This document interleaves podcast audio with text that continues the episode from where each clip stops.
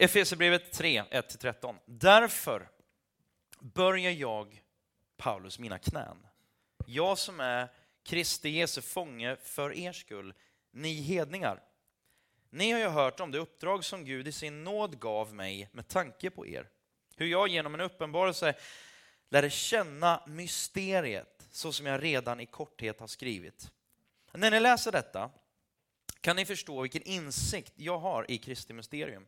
I tidigare släktled har den inte avslöjat för människor så som den nu genom andarna uppenbarats för heliga apostlar och profeter.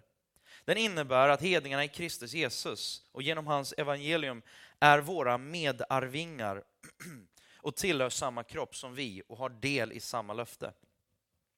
Detta evangelium har jag blivit satt till att tjäna i kraft av den gåva och nåd som Gud gett mig genom sin mäktiga kraft. Jag, den ringaste av alla heliga, har fått denna nåd att bland hedningarna predika evangeliet om Kristi outgrundliga rikedom och att upplysa alla om hur mysteriet ska förvaltas som från evighet har varit dold i Gud, alltings skapare. Så skulle Guds vishet i sin mångfald nu genom församlingen göras känd för härskarna och väldigheterna i den himmelska världen. Detta var det eviga beslut som han utförde i Kristus Jesus, vår Herre. I honom och genom, honom, eh, genom tron på honom kan vi frimodigt och med tillförsikt träda fram inför Gud. Därför ber jag er att inte tappa modet när jag lider för er skull. Att jag lider är ju en ära för er. Aposteln Paulus han sitter vid det här tillfället fängslad av den romerska ockupationsmakten. Och det börjar, han börjar med att skriva jag böjer mina knän. Är det någon, menar han, pratar han om, om, om någon slags halvreligiös rit som han gör för att han måste? Eller vad är det han pratar om? Han syftar på, på bön, på verklig bön. Han skriver flera gånger, jag böjer mina knän. Måste man böja sina knän när man ber? Nej, det måste du inte. Men det här är hans sätt att säga, jag tar tid, jag går ner på mina knän. Vad är bön? Bön är samtal med Gud, samtal att umgås med Gud, att vara inför Gud, att, att berätta vad man känner, att lyssna på, liksom umgås med, med ordet, att lära känna Gud. Jag tänker på lärjungarna när de hänger med Jesus. De, de spenderar tid med Jesus under många år. Eller många kanske, det var tre och ett halvt år ungefär, så det var inte så många. Men, men ett bra tag i alla fall, dag och natt. De spenderade, spenderade tid tillsammans. Och de hade varit ett ganska bra tag tillsammans med honom. Och så ser de, så är det klart att de bad, men helt plötsligt ser de att han ber. Han har gått iväg och är lite ensam. Kanske just gör han det här, böjer han sina knän. Men de ser att han ber. Och så hör de väl att han ber också. Och då säger de så här, Hjälp oss. Hjälp oss att be. Bön. Bön funkar. Jag tänker så här att Gud är ju inte jäm, våran jämlike. Det är lite svårt för våra, för våra svenska öron att höra. Han är inte våran jämlike. Han är inte på samma nivå som du. Han är över dig. Han är vår Gud. Och Det ska du vara väldigt glad för och det är jag glad för. Eh, men jag tänker så här, om man jämför relationen, eller liksom bön med relationen mellan en, en, ett barn och sin far. För Gud liknas ju och är ju liksom i ja, men vår himmelske far. En relation, inte mellan två jämbördiga på det sättet. Ehm, men där barnet och man som barn förhoppningsvis då har den erfarenheten att man kom, kan komma till sin far och söka trygghet, söka hjälp, söka vishet och råd. Jag eh, ringde igår till min kära far och gick bara, jag vill att vi går igenom skattedeklarationen ihop. Jag har liksom låtit min, eh, eh, vad heter det, eh, redovisningskonsult göra det, men jag litar inte riktigt 100% på det, utan jag vill liksom bara kontrollera allting och då tar jag hjälp av honom, kontrollfreak som han är. Men det är väldigt, väldigt bra att ha någon att söka råd hos, eller hur? Eh, och så kan man även be till Gud för andra människor. Och det är ju mäktigt. Här, mitt i detta då, där han sitter fängslad, frihetsberövad. Vad gör han? Han ber för andra. Jag vet inte vad, vad, vad, du skulle ha bett för där just då. Fängslad. Du är förmodligen, mycket troligt i alla fall, att han sitter fastkedjad med en soldat bredvid sig. Vad skulle du ha gjort i den situationen? Skulle du bett för någon annan?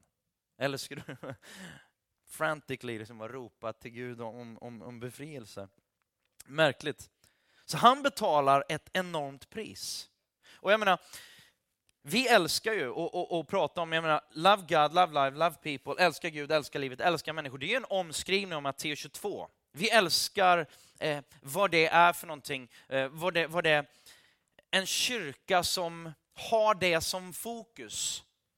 Vi vill vara, vi vill alltid ha det som fokus, att älska Gud, älska livet, älska människor. Det är vårt fokus, det är vad vi handlar om. Och när vi pratar om det, vi tror att eh, det är bra att sätta guldkant på vardagen. Vi tror inte att vardagen är en, en, en fiende. Det är bra att sätta guldkant på vardagen. Vi tror på fest. Vi älskar fest om inte annat. Så, så eh, liksom allt det där. Men vi tror också att det kommer att kosta. Paulus betalar ett enormt pris för, för det, han, det han förmedlar och för att kunna säga det, ett högt pris. Eh, och jag tror faktiskt att vi kommer få betala ett högt pris för att kunna åstadkomma det, att få se förverkliga det vi drömmer om. Vad kommer det att kosta? Fem olika saker, många fler säkert, men fem olika saker som jag tror kommer vara till viss del och olika jobbigt, men jag tror att det kommer att kosta för oss alla. Det första, kanske det absolut jobbigaste, det är din och min bekvämlighet. Bekvämlighet där, ja men inte måste jag väl det. Nej, faktum är att du inte måste någonting. Jag brukar säga så if you have to, don't bother. Du måste inte. Du måste inte liksom, ja men du måste inte vara snäll mot någon. Du måste inte, du kan vara självisk, du kan bara köra, liksom, köra ditt eget race helt och hållet, men det kommer ju få konsekvenser. Du måste inte, vi tar ett exempel, vi tror inte att du, alltså att den kristna tron börjar och handlar om en massa måsten. Utan förhoppningsvis istället för att jag vill. En relation, jag skulle inte vilja vara gift med Linda om hon sa jag är gift med dig bara för att jag måste. Jag vill egentligen inte, men jag måste. Det är inte jättespännande. Och jag skulle önska, att, att, eh, eller önska, jag är lycklig för eh, snarare, att hon inte bara är, liksom visar tillgivenhet och alla de här sakerna bara för att hon har en ring på fingret. Utan för, ja, för det, hon tar av sig dem ibland och det skulle bli lite jobbigt där. Men våran bekvämlighet, jag måste hela tiden, eller jag måste ta beslut om vem kommer först? Och Gud säger, I'm sorry, men det finns ingen annan som får komma före mig, inte ens du själv. Tough. Din tid, dina pengar, relationer, självuppoffring på en massa olika plan. Jag tror att vårt, vårt uppdrag, Paulus talar ju om det här, mitt uppdrag. Och det är den första grejen uppdraget. Precis när han börjar be, eller han ska till att börja be, här i vers 1, så nämner han sitt uppdrag och helt plötsligt blir han bara, är det som att han blir uppfylld av, av iver att berätta om sitt uppdrag lite kort där och han bara liksom sådär eh, avbryter sig själv. Och så vill jag läsa lite grann från, från eh, Romarbrevet, också Paulus har skrivit det här då. Romarbrevet 15 och 16 om uppdraget. Genom Guds nåd är jag då, eller Paulus, eh, utsänd av Jesus Kristus, särskilt till er som inte är judar, för att också ni ska få del av de goda nyheterna och bli ett offer som Gud tar emot med glädje. Ni har ju blivit rena och välbehagliga för honom genom den helige Ande. Jag kan med glädje se tillbaka på allt det som Kristus Jesus har gjort genom mig. Något annat har jag inte att peka på. Det är han som har använt mig till att vittna, vinna er alla som inte är judar för Gud. Alltså kort och gott, Paulus hela tjänst, uppdrag, hans, liksom, hans enda fokus, det är att gå till dem som inte har hört. Att finnas bland resten av världen, vilket är ganska många. Det var inte bara judarna som hade fått någonting av Gud. Och det är ganska mycket i Efesierbrevet, som, som, speciellt första kapitlen, som, som handlar om just det här. Pratade för två veckor sedan om just skillnaden mellan judarna och hedningarna. Och judarna, de, de, de kristna judarna, de, de börjar stöta ut och se ner på hedningarna. Ja, men ni är ju inte på riktigt. Vi är ett A-lag, okej, okay, vi kan gå med på att ni är ett B-lag. Och han är grymt ivrig liksom sådär, eh, över hela den här att, att få ihop det här och få hedningarna att känna sig trygga och lika mycket värda och förstå att hallå, det är bara genom Gud. Det är ingen annan som, inte ens jag, Paulus, har någonting att skryta med utom, utom det som Gud har gjort. Det är det enda han, han, han liksom kommer... Och är det inte så för oss också? Ganska ofta. Att vi vill hitta saker som vi kan skryta över. Att vi, kan hitta, att vi vill hitta saker som vi kan vara stolta över, som vi kan fästa vår trygghet i egentligen. Det kan vara allt möjligt. Om du är en duktig kristen och liksom, duktig kristen och har pressväck, flipping upp på kalsongerna. Så, så ja, men liksom, ja, men jag ber si och så mycket. Ja men vad duktig du är. Ja, men jag gör det här si och så mycket. Jag ger si och så mycket. Jag offrar min tid si och så mycket. Jag gör det här. Varför gör du det? För att du måste? För att du vill ha cred för det. För att du vill förtjäna någonting. Du vill ha en, liksom, din trygghet ligger i vad du presterar för Gud. Han vill gå till rätta med det. Paulus går hela tiden, liksom, det handlar inte om det. Det handlar redan om, du gör det som en respons, lovsång. Och att, att tillbe Gud, det är någon respons. Respons till ja, men en kärleksrespons till allt det Gud redan har gjort. Men titta lite kort då på, på Paulus tjänst. Eh, vad är det han har gjort? Den stora aposteln Paulus, det var han som for ut, precis, han var aposteln till resten av världen, till hedningarna.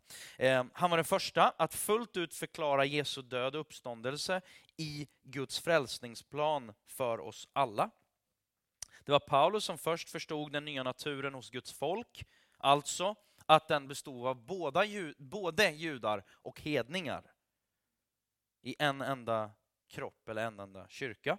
Paulus var den första som såg hur det nya som Gud gjorde i, med Kristus då, eh, passar ihop med den särskilda relationen som han har sitt, till sitt gamla folk Israel. Han liksom håller på och, och hjälper, vill hjälpa både hedningarna och Israel att, att förstå det här. Att, att, eh, att vara Guds folk, det handlar inte om att du är omskuren på den åttonde dagen och följt alla de här ritualerna, utan det handlar om någonting annat. Um, och så skrev han, för att göra detta, och hans verk, 13 böcker av Nya Testamentets 27 böcker. Um, uppdraget. Vi kan lägga upp våran om vi tar det här till våran liksom, sådär, situation just nu. Våran vision, vårt uppdrag. United Stockholm är ett nätverk av lokala kyrkor. Jag vill bara stanna där. Det här är vår vision. Det är hit vi sträcker oss. Vi drömmer inte om att plantera en liten kyrka i Lederman och, och, bara us for no more eller us 45 eller 65 eller 105. Vi vill växa. Varför? Därför att vi tror att Gud längtar efter och sträcker sig efter och vill beröra många människor. Vi vill inte bara plantera en kyrka, vi vill plantera en församlingsplanterande kyrka. Vi längtar efter att få träna folk till att, att eh, bli utsända, att plantera fler kyrkor. Tänk er, jag vet inte, men kanske. Jag var och, och kollade på en lokal eh, för några månader sedan. Birger 18, våning 5. Eh, riktigt fräsch, sådär, ja men det är en potential lokal. Nu handlar inte kyrkan om lokal, men det är ändå roligt att, och, och spännande att bara börja se människor sådär. Jag tror att, att bara börja sätta, sätta bilder på saker och ting, var, var är vi på väg in? Ja, men jag tänker, hur, hur, kommer, hur kommer Stureplans, United Stureplan skilja sig från United Södermalm. Det blir spännande. Ja, men vad tråkigt att bara ha den ena eller andra, vi ska ha både och. Alla måste inte bara se exakt likadant ut hela tiden jämt, men vi står för samma. Det är en familj. Ja, men man kan kalla det för familjen annorlunda. Det är helt okej. Okay. A big, fat, happy family. Different, same, same, but different. Ett nätverk av lokala kyrkor över hela Storstockholm. Kristus-centrerade, bibelbaserade. Så kommer det här uppdragsfokuserade. Vad är det för någonting? Jo, att, lära, att göra lärjungar som älskar Gud, älskar livet, älskar människor. Plantera kyrkor som är trovärdiga, relevanta och relationella. Beröra staden från Stureplan till Sollentuna, från Södermalm till Södertälje. Det är vårt, det är vårt uppdrag. Det är, vårt, eh, det är det som jag, jag är uppfylld av. Och jag hoppas att det är många av, av er som, som när, när man inte bara ser det här utan verkligen låter det här sjunka in lite grann. Vad, vad innebär det? Jag hoppas inte att det är någon som, som, som, som känner åh vilket ok, fy vad jobbigt, utan istället bara wow vilka möjligheter. Vad stort. Det är mycket större. Någon kanske sitter här, och jag sitter också, eller jag står just nu, men, men jag är också här och tänker så här, oj, hur ska det gå till? Vet du, det är en sund tanke. Det är en väldigt, väldigt bra tanke. För om du hade sagt, det är lugnt, vi fixar det här. Nej, vi kommer att fixa det med Guds hjälp. Ehm, men det är väldigt spännande. Vi tänker till en början tio kyrkor utöver Stockholm. Kungsholmen. Enskede. In the hoods eh, kring oss kanske. Hammarby där nere. Södertälje, Sollentuna, Solna, Sumpan. Östermalm. Är ni med? Vasastan, ja vi är ju i Vasastan men det, det behövs fler. Borta vid Odenplan kanske. Och... Ja men kom igen, alltså vad, vad, vad, är, vad, tror vi, vad tror vi Gud vill göra? Om vi leker med tanken att vi bara tänker oss att, att United Stockholm kommer vara om, om några år ett nätverk av, till en början då, tio kyrkor. Tio kyrkor med hundra i varje. Det är tusen personer. Den här stan, innerstan, har ungefär en miljon. Tusen är liksom, det är en promille. Det är ju ingenting. Vi har, det är så mycket, vi har sånt uppdrag, vi har så mycket kvar för att våran familjen annorlunda verkligen ska vara annorlunda. För att den verkligen ska vara, vad betyder det? Jo, det betyder att det kommer vara en massa olika folk, en massa olika, vi kommer med till det, men vi kommer, alltså massa olika folk, massa olika klädstilar, massa olika stilar. Liksom, vi kommer ha massa folk som, som har helt andra, till en början, en helt annan livsåskådning. Helt andra bakgrunder. Eh, och där kommer vi in på punkt nummer två, mysteriet. Mysteriet löst.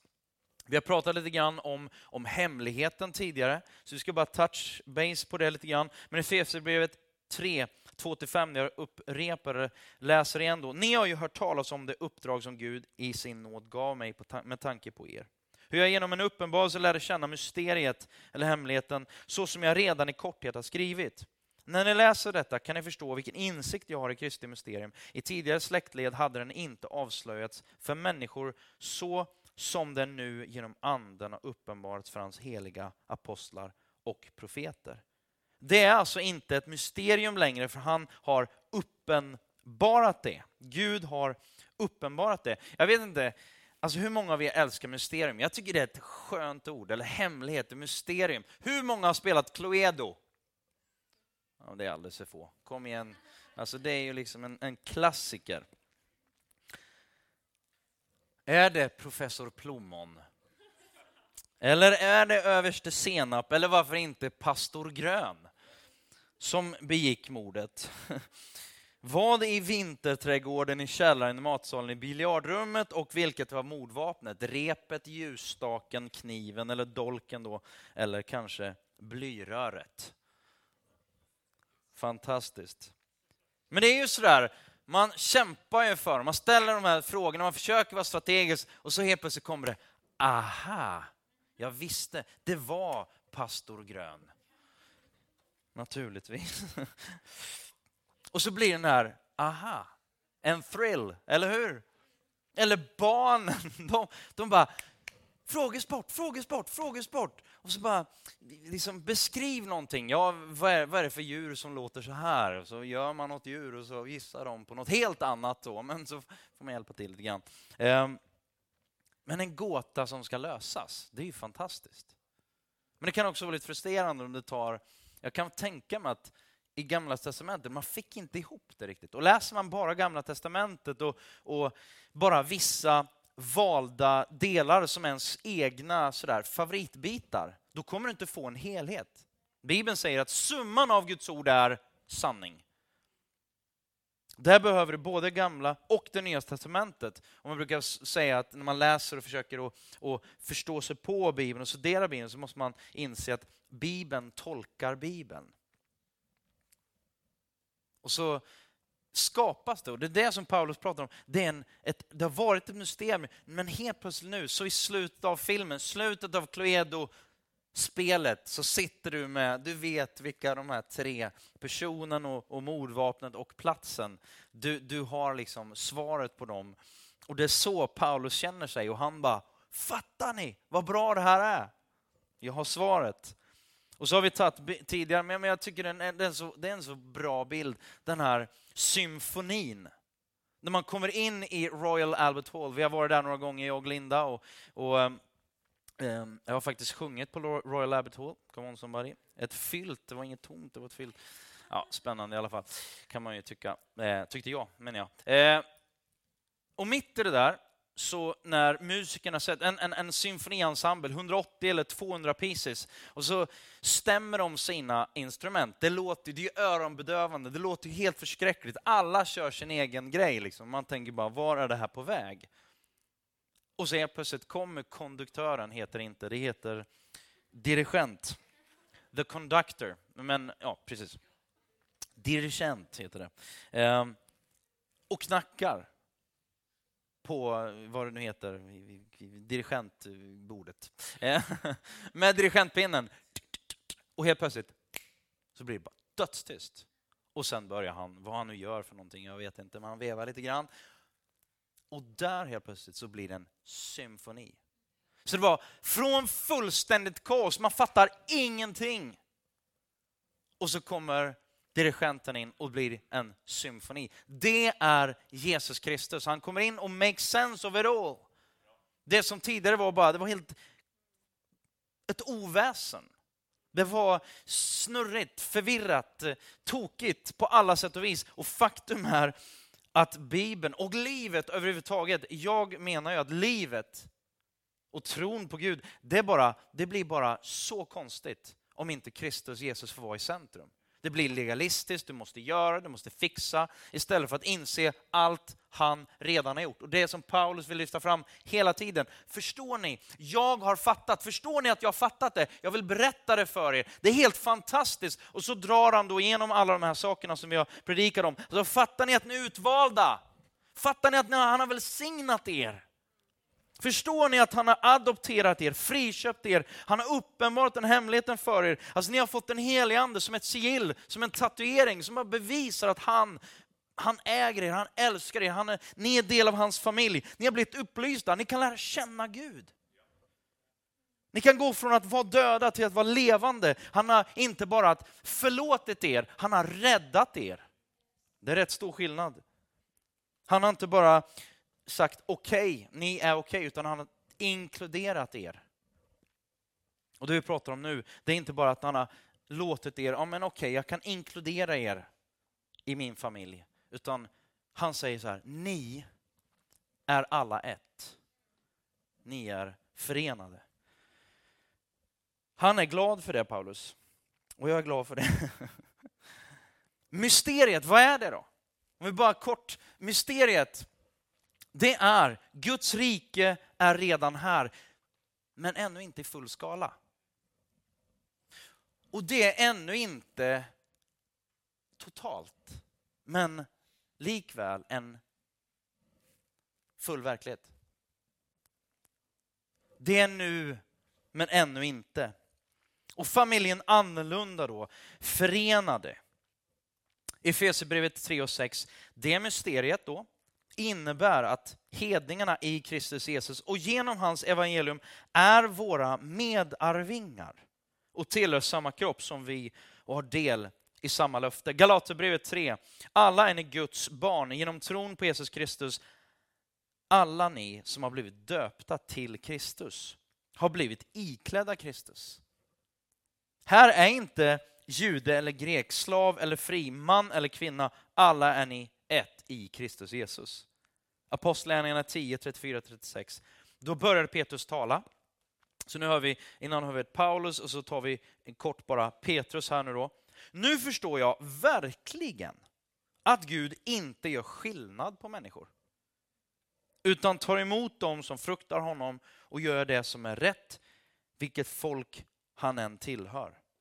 Detta är det ord som Gud sände till Israels folk när han förkunnade friden om Jesus Kristus, han som är allas Herre. Alltså för judarna, bara kort återkopplat till judarna här nu, för att han skriver ju, Paulus, om vi går tillbaka till Efesius, han skriver ju till Efesierna som var hedningar, som hade, kände sig ganska så utstötta av judarna. Så han skriver ju, det är liksom relationen där som han, som, som han tar upp. Och man måste förstå att för judarna så var det här enormt provocerande. De var ju liksom Guds ensamma utvalda folk. Eller de, de, de, de förstod inte de trodde att de var favoriter, men de förstod inte riktigt att Guds mål, Guds enda liksom, tanke var att han älskar ju alla människor. Och han ville egentligen, varför han valde ut Israel? Jo, men det var för att han ville, han ville göra ett, statuera ett exempel. Så här kan det vara att gå med mig. Det här är mitt folk. Det är så otroligt lätt att skapa det här med ett, ett A och B-lag. Det händer hela tiden.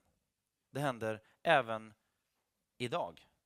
Inte bara där ute, inte bara i klassen. Eh, vi, vi, vi håller på att titta nu på skola åt, åt eh, Caleb då, som ska börja skolan här nu i höst. Och man, man, man liksom bara, vilka är, vad, vad, är det för, vad är det för folk? Vad är det för lärare? Vad, vad, vad, vad har man för syn? Vad har man för pedagogik? Kommer det, kommer det att, att funka? Kommer han känna sig hemma? kommer han bli en del av... Liksom, alltså man, som förälder så går man omkring och tänker på alla de där grejerna. Ett A och B-lag. Och tänker, vad har det? Alltså det är väl inte speciellt relevant för oss idag. Det var ju relevant då för andra om judarna och hedningarna, men det är inte speciellt relevant för oss idag. Vi känner oss inte utstötta av, av judarna idag, liksom på det sättet. De kanske känner sig lite utstötta. Det, det, så att, vad är det, vad, vad, vad, vad liksom, hur är det här relevant för oss? Ja, men jag tänker bara så här, från den ena flanken till den andra. Om vi tittar på inomkyrkliga liksom, relationer. Den kyrkan har det, den kyrkan har det inte. De är helt döda. Och de har, liksom, gör det här och de gör det här. Och vi är ju A-laget. Och egentligen så säger man ju, det är ingen som säger de här sakerna, men man tänker dem. Nej, inte ni, utan alla andra tänker det. Ja, men det är så lätt. Andra kyrkor. Eller, jag har ju varit... Jag, jag, liksom, jag tar för givet massa saker. Bara kom, kom, liksom, jag är uppvuxen i den och den familjen och, och liksom, vi har minsann, vi har gått i kyrkan hela livet. Och liksom, alltså jag har kommit rätt långt. Och jag lyssnar på förkunnelsen. Jag tänker och undervisning, jag tänker egentligen hela tiden tänker jag, vad bra att han fick höra det här. Inte att jag behövde höra det här. För jag behöver ändra på mig. För det är lite jobbigt att behöva ändra på sig. Faktum är att de flesta av våra vänner, de är ganska lika oss. Eller hur? Vi är ganska lika, vi har mycket gemensamt, lika barn leka bäst. Vi tycker inte om det och vi, vi, det är liksom sådär, ja. Men sanningen är, det är väldigt mycket så ändå. Jag har några vänner som, eh, bara för att liksom, ja, men jag tänkte så här, vilka vänner har jag som, som är mest annorlunda? Som bara visar på det här, hur amazing det kan vara att, vara, att bli förenade och känna att man är familj fast man är überannorlunda. Jag har varit ett antal gånger i södra Sudan och träffat en massa, framförallt då en, en massa pastorer, för jag har varit där och undervisat. Och, och Eh, Viktor har varit med vid något tillfälle, och Linda har varit med vid ett annat tillfälle, och Patrik har varit med. Ja, men så vi varit där en, en, en, en, ett antal gånger. Och vart eftersom man har varit där och man träffar samma personer år ut och år in, eller sådär, så är det klart att det växer fram, växer fram relationer. Och jag menar, jag kan sitta en kille som heter eh, Emanuel till exempel. Från södra Sudan, bor just nu i Khartoum och kom ner bara från de här konferenserna. Och man satte sig ner och man insåg bara att vi har ingenting gemensamt i vår uppväxt. Hans, eh, ja men du vet, alla i södra Sudan, inbördeskriget sedan 1900, liksom, vad det nu är, 55 eller när det nu började. Eh, har alla sett någon sprängas i bitar, blivit lemlästad, blivit våldtagen, blivit... Nej men, alltså, det har varit fruktansvärt. Och jag inser att okej, okay, vi har ingenting gemensamt. Han, han, har inte gått i skola på samma sätt som jag. Vi, vi eh, ser på saker på väldigt mycket olika sätt. Men så bara inser man, om man sitter där under den här, det här trädet, vad det nu är för träd, och, och, och klockan blir sex och så kvart över sex så är det helt becksvart och det enda jag ser på Emanuel det är bara vita ögonglober och lite tänder när han smilar. Eh, går inte ens att ta kort på. Liksom. Det, det, ja, men liksom, och så bara, vi är sjukt olika. Och så bara märker man, wow, vi är ett. Det är min bror. Och man kan sitta och, man kan sitta och alltså, utan att ha speciellt mycket gemensamt på ett sätt, så har man allt gemensamt. För det är en, det är en helt annan nivå. Jag menar, hur stor roll spelar kläder? Jag menar, istället blev jag grymt utmanad av de här killarna. Vi kommer ner och så är det en av de här pastorerna som har kommit då, där hans hydda har just brunnit upp. För de har varit lite oförsiktiga med elden. Och det enda, det lilla, lilla, lilla, lilla han äger har brunnit upp. Han ägde, jag tror han ägde typ två skjortor och ett par brallor. Liksom sådär. Så han, han gick just nu då, han lånade en, en, en, en, en skjorta av, av en av de andra killarna. Och så var det en som, på, av de andra unga pastorerna som, som hörde om det där, så sa han, men du, jag har ju två skjortor. Du har ingen. Du får en av mina. Logiskt, eller hur? Det var bara... My goodness. Då känner jag bara så här, alltså, spela roll. Jag har rätt mycket att lära och kanske möjligtvis om jag håller på ett tag så kanske han kan lära sig något av mig också. Men vad är det som förenar oss? Vad är det som, vem umgås du med och hur umgås du med folk? Ser du bara till det yttre? Hänger du med folk? Han är cool, hon är cool, hon ger mig rätt grejer, han ger mig rätt grejer. Det är innegänget. Jag vill associera mig med dem, för då kommer det här att hända. Det är flipping ytligt, det är A och B-lag och det är ingenting annat än det som Paulus försöker att bara radera. Är du med? Så även om vi kommer att plantera kyrkor i Södermalm och, och, och liksom Stureplan, vi, vi, vi vill inte nullifiera och ta bort att folk är olika, det är inte det vi säger. Men vad är det du värderar? Blir det A och B-lag? Det är så lätt att säga alla de här sakerna, men vad gör vi sen? Tar vi konsekvenserna? Något jag älskar med United och någonting som vi ska vara bra på, det är att ta konsekvenserna av det vi säger. Vi ska inte säga en sak och göra en annan. Det kommer vi ändå misslyckas med. Men vi ska rackarns ge oss den på att bara ta, ta konsekvenserna för det vi säger. Gör det, kom igen, vi gör det tillsammans. Det är liksom inte så här, i den här kyrkan så kommer man inte säga, de borde göra det här. Nej, vi. Vi är familjen annorlunda, vi gör det här tillsammans. Men vi måste bara gå till rätta med de här sakerna som inte är fresh. Som inte är okej. Okay. Det är så lätt att finna sig i det, därför att vi tar saker och ting för givet. Jag vill avsluta med detta. Alltså bönen, hans bön. Hans bön och Paulus bön. Vi kan be lovsångsteamet eh, bara komma upp och om Karolina kan spela. Alltså vad handlar det om?